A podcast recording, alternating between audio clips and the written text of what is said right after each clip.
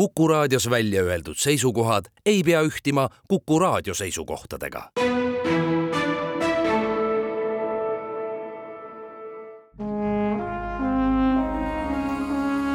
Vanemuise veerand.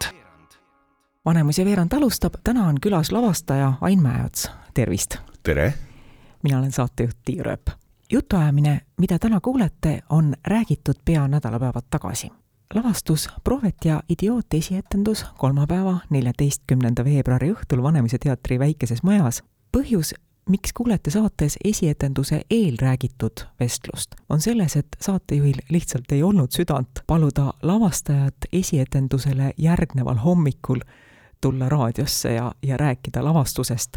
tunnistan, Ain ütles, et ei ole midagi, teeme ära, mina olin see, kes põnnama lõi. niisiis, me räägime lavastusest Prohvet ja idioot lavastuse aluseks on raamat Prohvet ja idioot, mis on Rootsi kirjaniku Joonas Jonassoni kuues raamat, kui ma ei eksi. kuidas see raamat sinu kätte sattus? see on väga värske raamat, kaks tuhat kakskümmend kaks sai see valmis jaa, no selle sündmu-, sündmustik on äh, muidugi varasem, eestikeelne tõlge on, äh, on jah, nüüd kaks aastat tagasi ilmunud.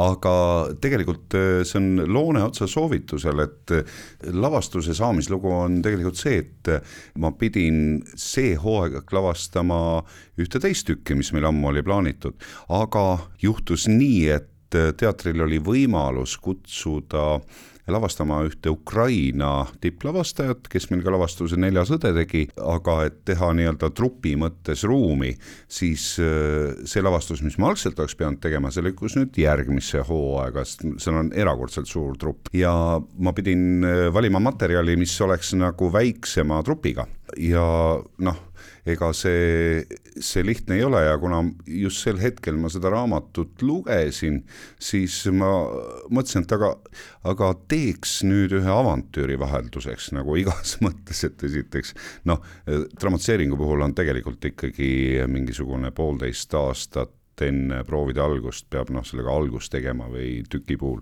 et see läks suht kiireks ta läks, aga materjal on niivõrd intrigeeriv, et äh, see on põhimõtteliselt on see teekonnalugu, kolme väga armsalt veidra tegelase teekond sõna otseses mõttes läbi maailma see on nagu road movie, aga teatris.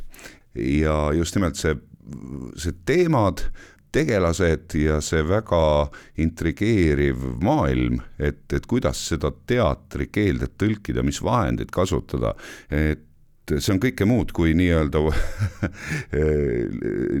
tegemise mõttes lihtne lugu, et teda oli ja on väga keeruline teha, nagu ka tehniliselt.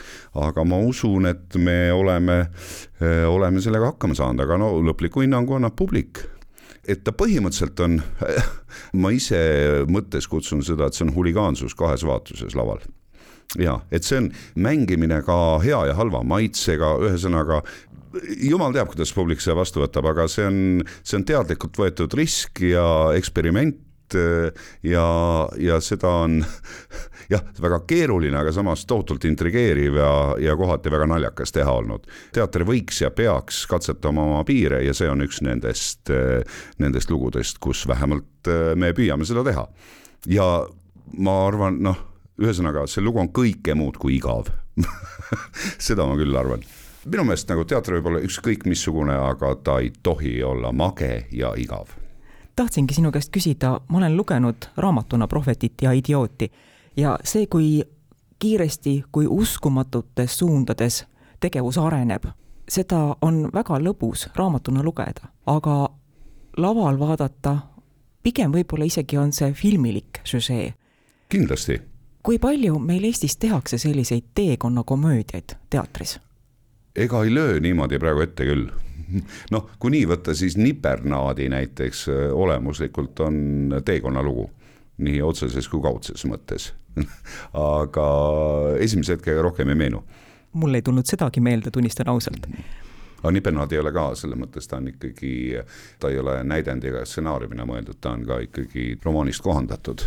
Joonas Jonassoni esimest raamatut, Sajaaastane, kes hüppas aknast seda lavastati Ugalas ja tegevus toodi toona Eesti olustikku. kirjutati sisse, et see sajaaastane hüppas Viljandis aknast välja. kas teie olete sama teinud. jaa, me saime autori loa teha, eestindada nii-öelda vabas võtmes, et tegelased on eestlased, stardivad Eestimaa pealt, et noh, nad lähevad nii-öelda laia maailma, aga jah, tõepoolest, et see luba meil oli ja rõõmuga me seda, seda ka tegime sa ütlesid, et see asi, mida sa pidid sellel hooajal lavastama, see oleks eeldanud väga suurt truppi. oleme ausad, Prohvetis ja Idioodis on ka igavene hulk tegelasi mm. ja trupp on nagu väiksem kui ja. tegelaste hulk kuidas sellega, sa selle lahendasid? sellega on väga lihtne, meie kolm, siin on kolm peategelast, keda mängivad siis, põhipeategelane mängib see nii-öelda ma ei taha öelda tema kohta idioot, aga see armas veidi tobuke poiss, teda mängib Oskar Seeman, siis on Merle Jääger ja Linda Kolde, nemad on peategelased, kes nemad nii-öelda muid rolle ei mängi, ülejäänud trupp mängib kõik mitut rolli. kõigil teistel trupiliikmetel on päris mitu rolli.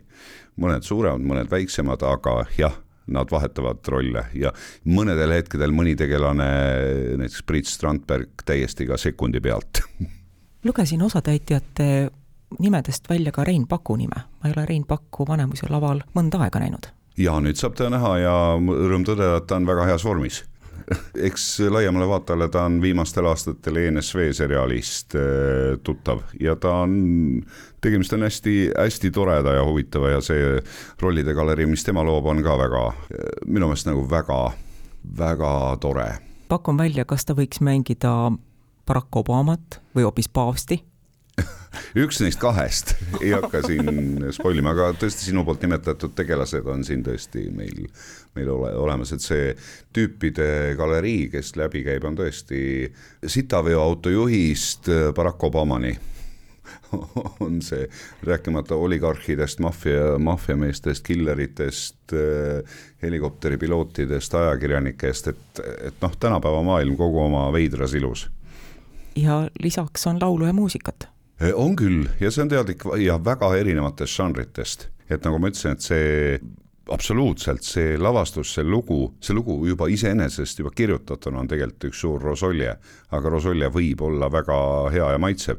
et kellele rosolje maitseb, jaa, see võiks olla see tükk ja ta on, jaa, ta on komöödia ikkagi, ta on, tal on oma väga ma loodan, et see tuleb välja, väga sisuline mõte ja idee, aga jaa, ta on, ta on komöödiana mõeldud, kiiksuga komöödiana. laulusõnade autorid võiksid olla ka need, kes kutsuvad publikut teatrisse, sest äh, nendelt inimestelt võiks oodata väga vaimukat teksti. Mm, jaa laulud, mis me oleme kasutanud, lood, et siin on täitsa teadlikult väike pastišš kuna tegemist on algselt Rootsi looga, äh, mis Rootsiga seostub muusika, äh, levimuusika maailmast, on APA.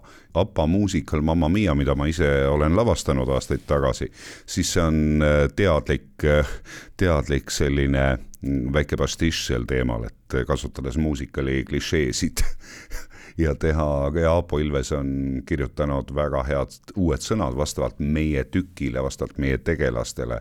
nii-öelda selles äh, lavastuses on üks Apa popurii paljudest Apa lugudest ja Aapo on väga head sõnad kirjutanud, samuti on, on teksti ühe spetsiaalselt äh, hip-hop loo loonud Genka, mida meie trupp esitab, tema on siis teinud ka muusikasõnad.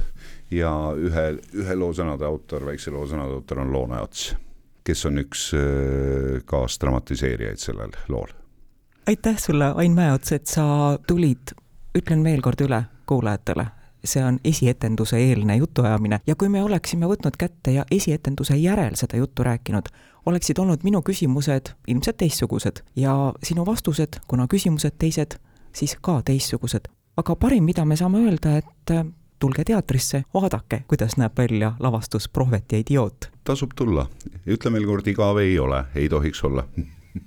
Aitäh kõigile teile, kes te meid kuulasite, jälle kuulmiseni. Vanemuise veerand